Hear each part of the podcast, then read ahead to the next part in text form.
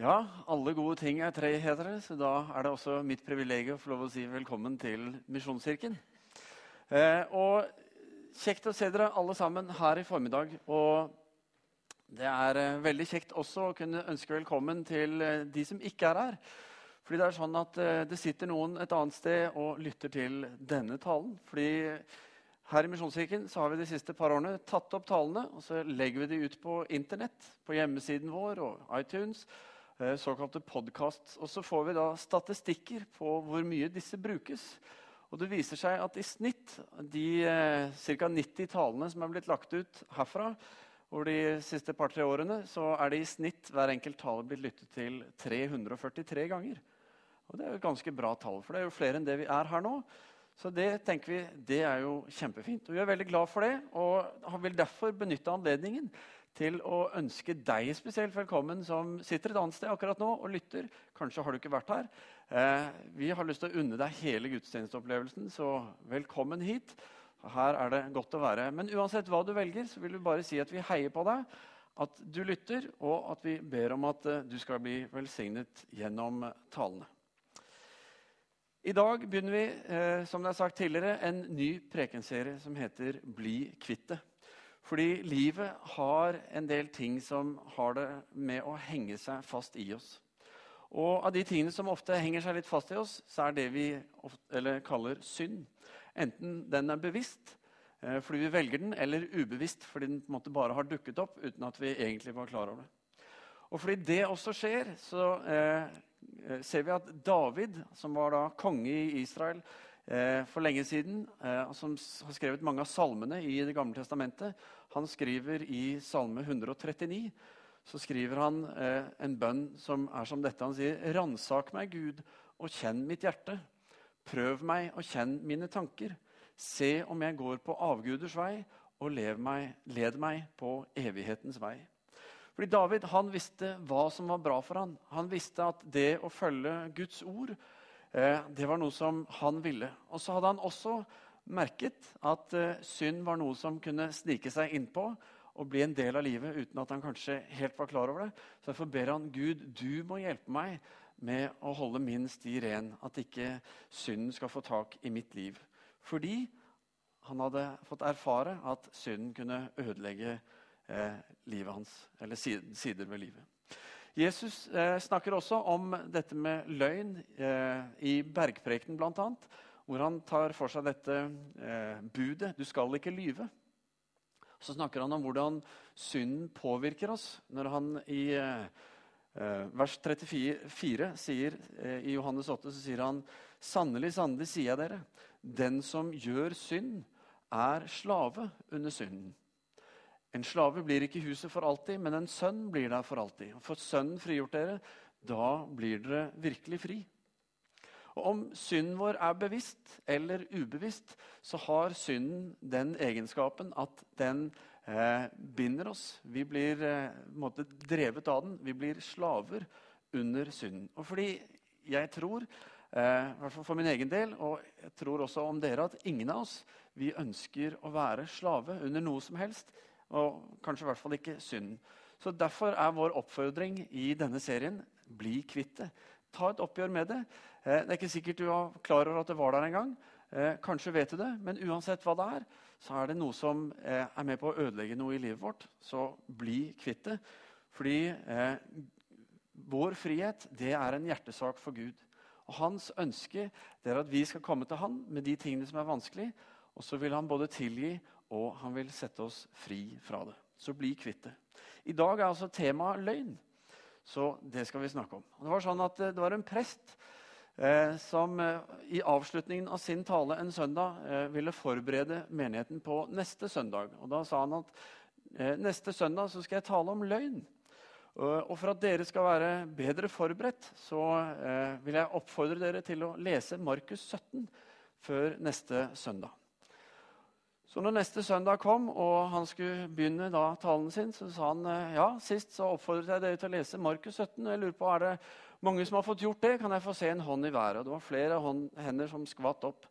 Så sa han eh, jo, takk for en god innledning til denne talen. Fordi Markus har bare 16 kapitler, og i dag skal vi snakke om løgn. Å lyve det er noe som vi mennesker lærer tidlig. Som ganske små barn, eh, uten at noen har på en måte tatt oss i skole og sagt sånn er det du skal lyve, så skjønner vi at det å lyve det er noe vi kan eh, dra nytte av. Eh, barn skjønner jo som regel og selvfølgelig ikke da ofte konsekvensene av løgnen. Og det er ikke alltid de, det blir noen konsekvenser heller. Det gjør den bare desto mer anvendelig. Jeg husker eh, min yngste sønn Elias. Da han var vil jeg tippe, ca. fire år, så gjorde han noen søte forsøk på å eh, ta en hvit en overfor mor og far. Jeg husker jeg spurte Elias har du pusset tennene. Ja. Så la han til. Ikke lukt på munnen min, sa han. En annen gang så spurte jeg du, har du spist eh, matpakken i barnehagen i dag. Ja. Så la han til. Ikke se i søpla. Det var tydelig at han hadde vært ute og prøvd å skjule noen spor. da, ikke sant? Få ting til å se litt bedre ut enn det det var. Og greia er at eh, Vi blir flinkere og flinkere jo mer vi gjør noe. Sånn at eh, det å lyve er noe vi blir ganske flinke på etter hvert. Ifølge eh, nettsiden eh, forskning.no så eh, er deres artikkel som heter 'Sannheter om løgn', så viser de til en amerikansk forskning som sier at hvis du er i en samtale som varer mer enn fire til fem minutter, så er det en overhengende fare for at du eh, lyver i den samtalen, viser forskningen. Eh, og Svein Magnussen, som er doktorfilos i kognitiv psykologi ved Universitetet i Oslo, han sier at forskningen viser at alle mennesker lyver én til to ganger hver dag. Eh, og så sier han men det er ikke sånn at vi er ute og kommer med direkte løgn. altså forteller noe som er helt fjernt fra sannheten. Men det handler ofte om at vi legger til eller trekker fra. altså Vi prøver å eh, endre litt på det som er virkeligheten, for å skape noe annet. Eh, og Det er det vi ofte da betegner som hvite løgner. For det er ikke ordentlig løgn, sier vi, men det er litt sånn justering. Og det er nettopp der at løgn får et grep og henger seg fast i oss. For det begynner i dette litt ufarlige. Eh, og det at vi kaller den hvit, betyr jo egentlig bare at vi langt på vei har akseptert den løgnen i livet. Eh, og til og med eh, tenker at den må nok være nødvendig å bruke av og til. Eh, I Matteus 5 eh, i bergprekten, Jeg sa i stad at det var bergprekten Jesus var fra. sa jeg, og Det var feil, for det var Johannes. og det var ikke det, Men det var her. Eh, men i bergprekten, når Jesus snakker om eh, budet 'du skal ikke lyve', så sier han 'la ditt ja være ja', og eh, et nei være nei. Alt som er mer enn det, er av det onde. Og Problemet vårt med den hvite løgnen er at den hvite løgnen tillater oss et ja med et litt sånn skjult 'men' etterpå. Altså, Vi tillater oss en hake som justerer på ja-et vårt eller på nei-et vårt. Og Dermed så skaper vi rom for løgn i livet. Og etter hvert som vi tar i bruk løgnen, så skaper vi også behovet for å lyve litt til. Fordi ofte er det sånn at den, ene, eh, den nye løgnen dekker over den gamle løgnen. I ordspråkene 12, 22 så eh, leser vi det at Herren avskyr løgnaktige lepper, men gleder seg over dem som viser trofasthet. Det å avsky det er jo sånn ganske det er jo ganske sånn avvist hvis det er noen som avskyr deg. Det er en sånn sterk eh, ordbruk i forhold til at noe virkelig ikke passer inn. Og eh, Gud han avskyr løgnaktige lepper eller løgn. Faktisk er det sånn at eh, hele skaperverket eh, ble ødelagt pga. løgn. Det begynte jo i Edens hage med Adam og Eva, hvor Adam og Eva levde i fellesskap med Gud. Det var Guds skaperordning, at mennesker og Gud selv skulle leve i fellesskap. Men så kommer da denne slangen inn i bildet og sier, 'Har Gud virkelig sagt?' Det kommer ikke til å bli sånn. vet du. Han, han har sagt dette, for han har en annen agenda. Og så eh, lyver han, og så fører det til at synden kommer inn, og relasjonen mellom menneske og Gud eh, opphører fordi eh, Gud tåler ikke synd. Og Derfor måtte Adam og Eva ut av Edens hage. Så det er ikke rart kan du si, at Gud avskyr løgnen og synden i det hele tatt. Fordi han vet hva den kan ødelegge, selv om det virker aldri så uskyldig at de bare tok en bit av en frukt. ikke sant? Det virker jo ikke så farlig. Men konsekvensene av det var ganske store. Og jeg er overbevist om at de fleste av oss, enten selv eller kanskje vet om hos noen andre, kjenner til relasjoner som er blitt ødelagt, eh, skadet eller helt ødelagt pga. løgn eller annen synd. Nå er det sånn at Nyere forskning eh, på løgn viser også at det å lyve mindre, altså å slutte å lyve, har en helsegevinst. Og det er jo ikke så verst. Fordi det De gjorde var at de hadde to grupper med mennesker. hvor Den ene gruppen fikk i oppdrag å lyve og ikke lyve over en periode på to og en halv måned. Mens den andre måtte var bare utvalgte mennesker som skulle fortsette å leve videre.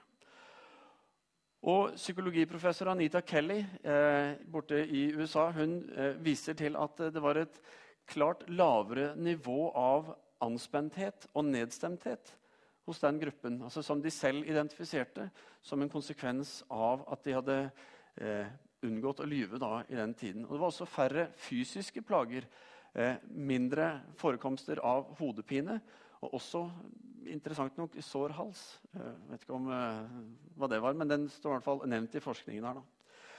Eh, og ikke bare det, men når disse to og en halv månedene var over, så var det flere av de som var med i denne gruppen, som da ikke skulle lyve, som hadde oppdaget at det faktisk gikk an å fortelle sannheten.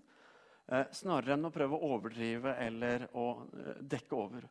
Mens andre også sa at de hadde sluttet med å komme med usanne unnskyldninger om hvorfor de kom for sent, eller hvorfor de ikke hadde fullført den jobben de skulle gjøre, osv. Men spørsmålet er jo egentlig om hvordan lyver vi, eller hvem er det vi lyver til når vi lyver? Vel, For det første så lyver vi jo til andre.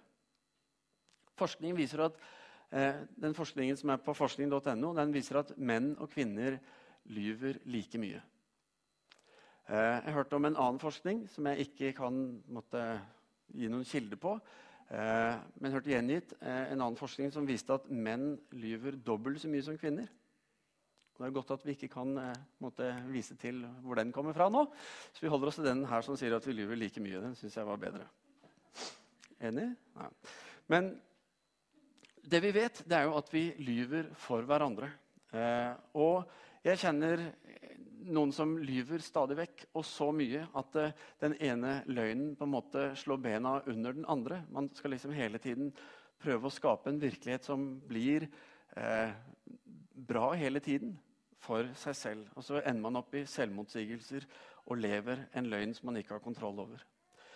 Eh, kulturen vår har lært oss det at det er viktigere for oss å fremstå eh, best mulig enn det det er å være ærlig. Altså det å si sannheten. Løgn er blitt en akseptert hjelper for å redde seg selv. I Jeremia kapittel 9 vers 5 så står det at de bedrar hverandre og snakker ikke sant. De har lært opp tungen til å lyve, og de er utmattet av ondskap. Nå føler kanskje ikke vi oss utmattet av ondskap, eller at vi er ute og bedrar mennesker eh, daglig. Men eh, sannheten er at virkeligheten er alltid større enn intensjonene våre. Eh, og når vi lyver, så unnlater vi å fortelle sannheten. Så det er et bedrag i det, og det er også noe ondt i det. For det er ikke av Gud. ikke sant? Eh, selv om ikke vi føler det, så er det noe som er der. En annen ting, altså en ting er at vi kan komme unna med å lyve for hverandre uten å bli eh, merket. Men å lyve for Gud er noe som eh, vi også gjør. Men Gud kan vi ikke lure. Han ser oss og kjenner oss. I Apostlenes gjerninger 5 så leser vi om Ananias og Safira. Det er en ganske utfordrende historie når du leser hele den. Men vi ser at de var i den første menighet, og som mange i den første menighet gjorde, så solgte de sine eiendeler og så ga de det inn til menigheten, til apostlene. Og så levde de i fellesskap og eh, måtte kjøpte inn mat sammen og brukte av sin felles eiendom og rikdom til å mate også de fattige. Nå er det sånn at Ananias og Safira, når de solgte sin eiendom, så ble de to enige om å holde noe av eh, salgssummen for seg selv. Men så gikk de og sa her har dere hele. De løy ved å si at, de, eh, at det var hele summen de ga. De, altså de, kunne, hvis de ville, bare sagt at her får dere 75% av salgssummen. Det andre beholder vi selv. Det var helt greit. Det var lov. Men de valgte å si her har dere 100% Men så var det ikke det. Og Poenget er at Peter, som var en av apostlene, han gjennomskuet dette. Og så sier han til eh, Ananias det er ikke mennesker, men Gud du har løyet for. Og eh, Ananias og Safira sin løgn var altså da en løgn mot menigheten. Ikke mot et enkelt menneske, men det var mot menigheten. Og for Peter så var menigheten eh, en representant for Gud. Eh, sånn jeg forstår det. Det var ikke snakk om bare en gruppe mennesker, men menigheten var noe mer. Altså, Jeg tipper Peter og Paulus har en ganske lik tankegang. Paulus snakker om at menigheten er Jesu legeme. At Når vi kommer sammen, så representerer vi Jesus der hvor vi er eh, i verden i dag. Så eh, de løy til Gud. Eh, men en annen side, eh, måte å tenke på hvordan vi lyver til Gud, er jo ved å, som vi ser i Matteus 25, vers 40, hvor det står sannelig, sannelig, jeg sier dere, det dere gjorde mot en av disse mine minste søsken, har dere også gjort mot meg. Det vil si at enhver synd vi begår mot hverandre, er også en synd mot Gud. Eh, ser du I eh, lignelsen om den bortkomne sønn så sier han jeg har syndet mot himmelen og mot deg. sier han til faren. Altså, Synden hans går to veier. Og eh, sist, men ikke minst, så lyver vi til oss selv. Så Vi lyver til hverandre, vi lyver til Gud, og så lyver vi til oss selv. Hver gang vi overbeviser oss selv om at vi kan slippe unna med å eh, endre litt på sannheten, så bedrar vi oss selv. Bare Tenk på hvor lett det er å rettferdiggjøre egne handlinger, egne valg, eh, som vi kanskje ikke er stolt av, som vi vet egentlig var feil. Men for å redde vårt eget skinn så eh, rettferdiggjør handling, vi handlingene våre ved å eh, skape en ramme rundt problemstillingen som er bedre, ikke sant? Og så ser vi bra ut. Men Gud tåler ikke synd. Og det er på en måte der det hele begynner, i Edens hage. Og Hver gang vi lyver eller begår en synd, så gjentar vi den scenen i Edens hage. Vi skaper et skille mellom oss og Gud. Og Det gjelder ikke bare løgn, men synd generelt. Men poenget er at Gud ønsker å møte oss med eh, tilgivelse. Han ønsker å fjerne syndens konsekvens. Han ønsker å ta bort det tunge, det som holder oss tilbake, som gjør oss nedstemte, som gjør at vi ikke har det godt inni oss pga. det gale. Og han sier i, eller Johannes sier om dette i 1. Johannes kapittel 1, vers 9, så står det Men dersom vi bekjenner våre synder, er Han trofast og rettferdig, så Han tilgir oss syndene og renser oss for all urett. Og Det er dette som er på en måte hovedbudskapet inn i denne serien. Gud ønsker å sette oss fri fra dette som tynger og gjør hverdagen vanskeligere. Men hvorfor lyver vi egentlig? Det er jo det viktige, det interessante spørsmålet som vi alle trenger å stille oss. Fordi det er her vi alle sammen har en jobb å gjøre. Altså årsaken til at vi velger å, å lyve. Eh, jeg står ikke her som en pastor og, og, er en som ikke lyver og snakker til dere fordi dere lyver. og, og sånn. Hvis jeg påstår at jeg ikke noen gang eh, hadde en løgn, så vil jo det i seg selv være en løgn. Men ofte er det jo sånn løgnen fungerer. Altså Vi bruker løgn for å dekke over eh, noe annet hos oss selv. Vi prøver å fremstå bedre enn det vi er. Og Hovedgrunnen til at vi lyver, er jo at vi tror faktisk at det er bedre for oss å lyve enn det er å fortelle sannheten. Og Grunnen til at vi tror det, er fordi vi, årsaken bak er at vi, eh, det bunner i en frykt. En sosial frykt, en sosial eh, sårbarhet, eh, skam, som eh, rammer sannheten som vi kjenner på i livet vårt. Vi frykter hva andre ville tenke hvis de visste sannheten om oss. Vi kjenner på sårbarhet i forhold til det som er sannheten, og vi velger å skjule den. Vi kjenner på skam i forhold til det som er sannheten, og så velger vi å endre den. Brené Brown, som er professor i eh, sosiale studier ved universitetet i eh, Houston, har forsket masse på dette. og Hun viser til at det er mangelen på tilhørighet, mangelen på verdighet eh, i eget liv, mangelen på kjærlighet og trygghet i livet som ofte er årsaken til at vi opplever så mye sosial frykt, eh, sårbarhet og skam i livene våre. Frykt for å ikke være god nok driver oss til bl.a. å lyve. Og For å gi et lite bilde av hvor omfattende dette egentlig er for selve livet, så skal vi bare vise til noen, eh, en liten del av forskningen til Brené Brown som gjelder dette med skam. Hvor hun har kategorisert sin forskning i forhold til skam i tolv kategorier. Bare for å vise hvor er det dette treffer oss i livet. Hvor er det skammen på en måte rører. Og Det gjelder det som har med utseende og selvbilde å gjøre.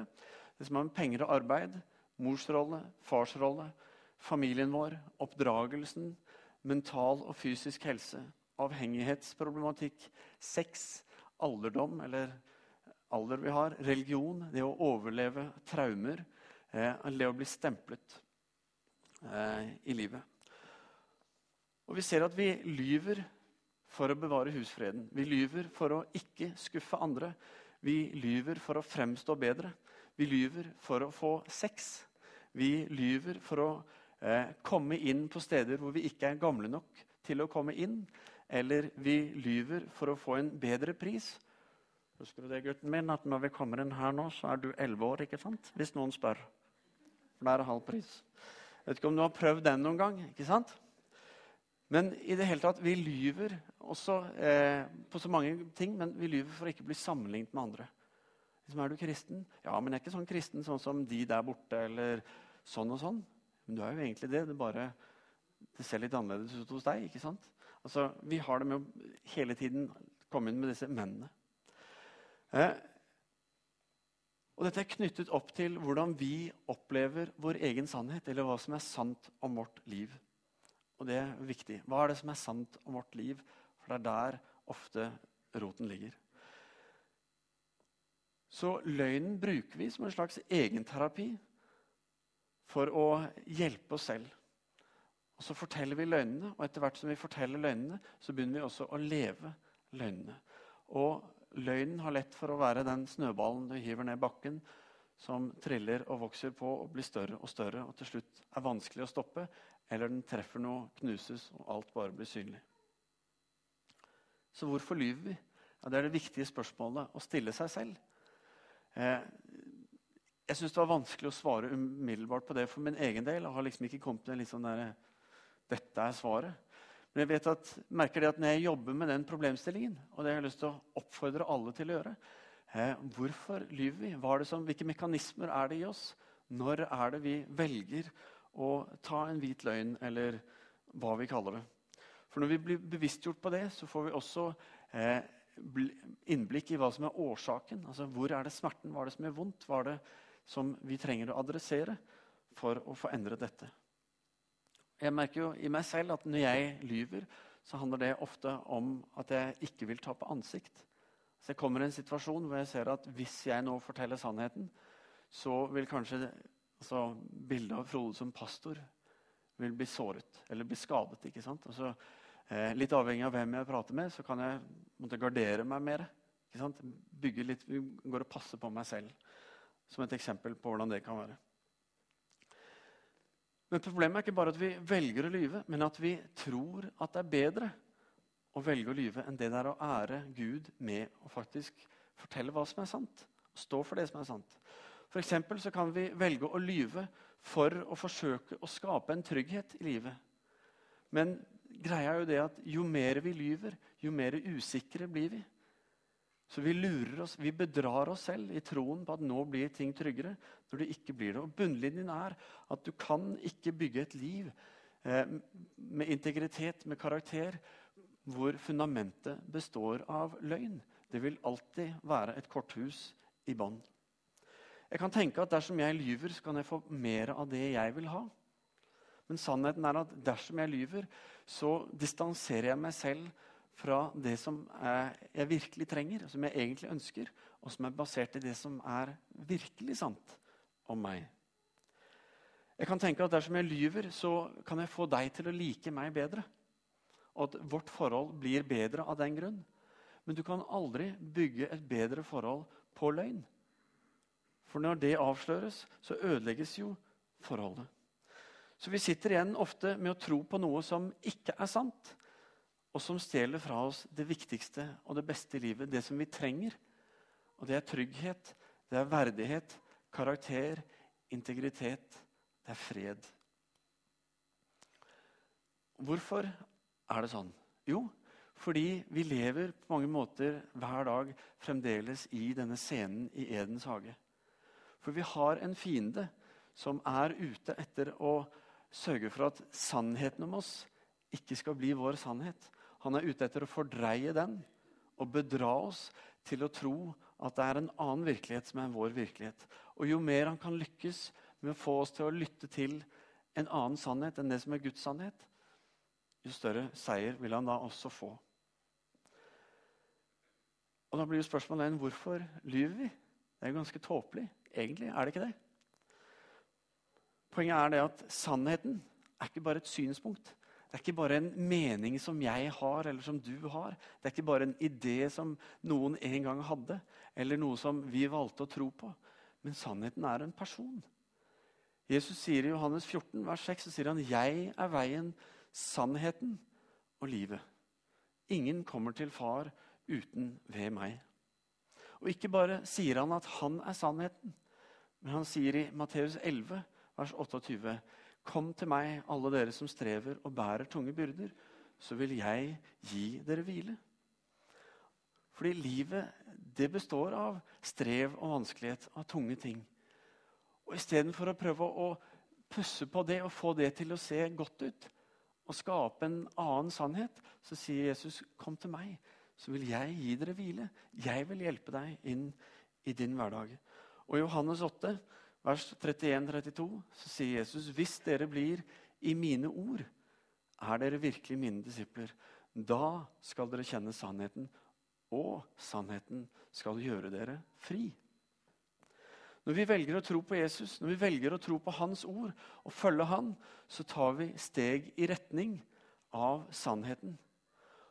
Og Jo mer vi tar steg i retning av Guds sannhet, jo større vil også den sannheten bli i vårt liv. Og vi bygger et fundament på den virkelige virkeligheten. På det som er sant om oss.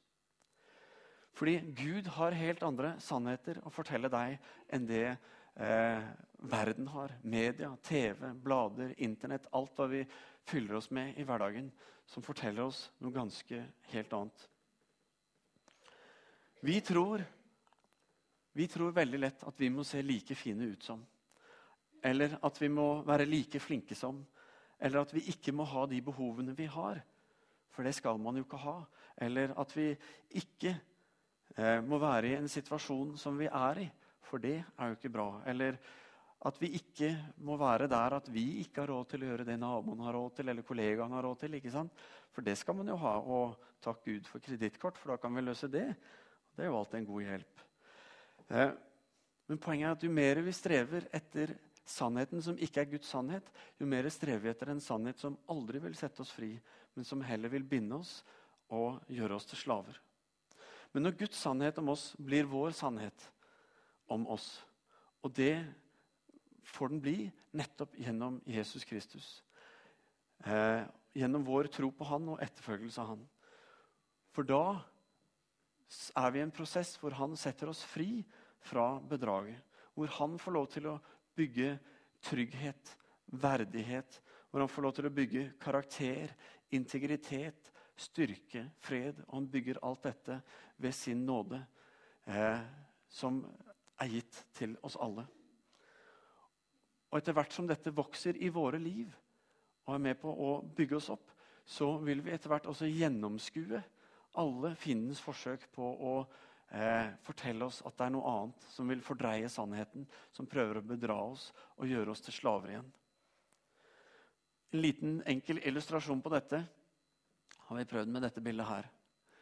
Eh, da ser dere, Hvis du ser deg selv i midten her, så har du på en måte to sannheter. Du har På venstresiden så har du Guds sannhet eh, om hvem du er. Og på den andre siden så har du din egen, eller den samfunnet er med på å skape, sannheten om hvem du er. Og trekker du deg mot samfunnets versjon, så dras du vekk fra Guds. Og når du går mot Guds versjon, så vil også samfunnets eller det bildet forsvinne. Og så ser du at det er hos Gud at vi er fri. Men det er i den fordreide sannheten at vi blir slaver, hvor vi blir bundet og hele tiden må leve i løgn for å skape vårt eget bilde. Jeg har lyst til å utfordre oss, oppmuntre oss til å ta til oss Davids bønn, som vi begynte med her i stad. Fordi Poenget er at livet er vanskelig nok som det er. det. Om ikke vi skal gå rundt og bedra oss selv eh, og gjøre livet enda vanskeligere fordi vi ikke har våget å komme til Gud med livene våre. Fordi vi har kanskje trodd sannheten om at fordi vi har denne synden i livet, så er vi ikke gode nok. Da kan vi ikke komme til Gud. Og så er det løgn på løgn som lyver oss.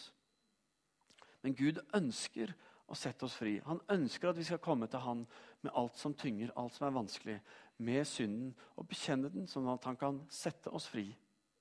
David han ba, 'Ransak meg, Gud, og kjenn mitt hjerte.' 'Prøv meg og kjenn mine tanker.' 'Se om jeg går på avguders vei, og led meg på evighetens vei.' Det er å søke Guds sannhet. Det er å invitere Gud inn og si, 'Gud, kom du og sett fingeren på.' Eh, tal inn i mitt liv. Identifiser for meg hva som er galt, sånn at jeg kan ta et oppgjør med det. Sånn at jeg ikke skal gå rundt og lure meg selv til å tro noe som ikke er sant. Da tilrettelegger vi for det beste i livet. Da tilrettelegger vi for at Gud kan få lov ved sin fred å eh, skape oss på ny og bygge et helt og rent hjerte i oss. Og Har du lyst til å gå enda dypere inn i den bønnen, så eh, kan du si til neste uke uten å lure deg, fordi denne salmen er der. Salme 51. Der, hele salmen er en, en bønn alle disse to versene i 139. Veldig bra. Les gjerne den. Så Når vi prøver å hjelpe oss selv ved å lyve, så bedrar vi oss selv. Og vi hindres i fellesskap med Gud. Så bli kvitt det, er oppmuntringen. Vi, ikke, vi, har ikke denne serien for å se hvem er det som trenger forbønn og eh, er ute etter å ta noen i det hele tatt. Men poenget er at Gud har skapt oss til frihet. Han ønsker at vi skal slippe å gå og bære på det som tynger oss, det som holder oss nede, som fordømmer oss og sier at vi ikke er verdig. Gud ønsker å fjerne det. Og han har gått så langt som å gå i døden. For Når Jesus døde på korset, så står det i Bibelen at han tok på seg all vår synd. Han tok på seg straffen for alt det gale vi gjør. Og hvorfor er da spørsmålet, hvorfor skal du og jeg bære det han allerede har båret? Han sier, 'Kom til meg, legg det av. Jeg vil sette deg fri.' Skal vi be? Kjære himmelske Far, takk Herre for at uh, du er en fantastisk god Gud. Takk for at uh, du har ikke latt noe komme i veien, Herre, for å demonstrere din kjærlighet til oss. Og så vet du, Herre, at eh, synd er noe som er en del av livet vårt. Det er ikke noe vi har funnet på, som vi har skapt fordi vi ønsker det, Herre. Men det er noe som er en del av livet vårt, og som vi eh, fort kan bli slaver under, Herre. Eh, en, ofte så blir vi det ubevisst også. Men takk, Herre, for at du har laget en vei vekk fra det. En vei som handler om nåde, som handler om tilgivelse, som handler om kjærlighet. Som handler om å, å løfte opp og sette fri som handler om å gi et nytt perspektiv, som handler om å kjenne på en dyp indre glede som du ønsker at vi skal ha. En fred, Herre, som overgår all forstand. Takk, Herre, for at det er det du ønsker å gi oss. Og så inviterer du oss til å bli kvitt alt dette andre ved å komme til deg og bekjenne det. Og så har du sagt at du vil rense oss for all urett. Du tilgir alt, Herre. Så Herre, skap i oss et bekjennende hjerte. En bønn som lengter etter å sette ord på det som er galt. Enten vi vet om det, eller du eh, viser oss hva som er i livene våre, Herre. Og takk, Herre, for at det ikke er noen fordømmelse for den som er i Kristus Jesus. Men Herre, det er frihet for alle som kommer til deg. Så når vi nå, Herre, tar et minutt i stillhet og bare velger å være innenfor deg, Herre, så ber be Herre, tal til oss. fortell oss og minn oss på hva vi trenger å eh, adressere, hva vi trenger å ta et oppgjør med, hva vi kanskje skal bekjenne i dag, Herre. Men Herre, tal til oss når vi nå er, er stille lite grann. Og så gi oss mot, Herre, til å bli kvitt det, til å gjøre noe med det. Tal til oss, Herre, vi ber.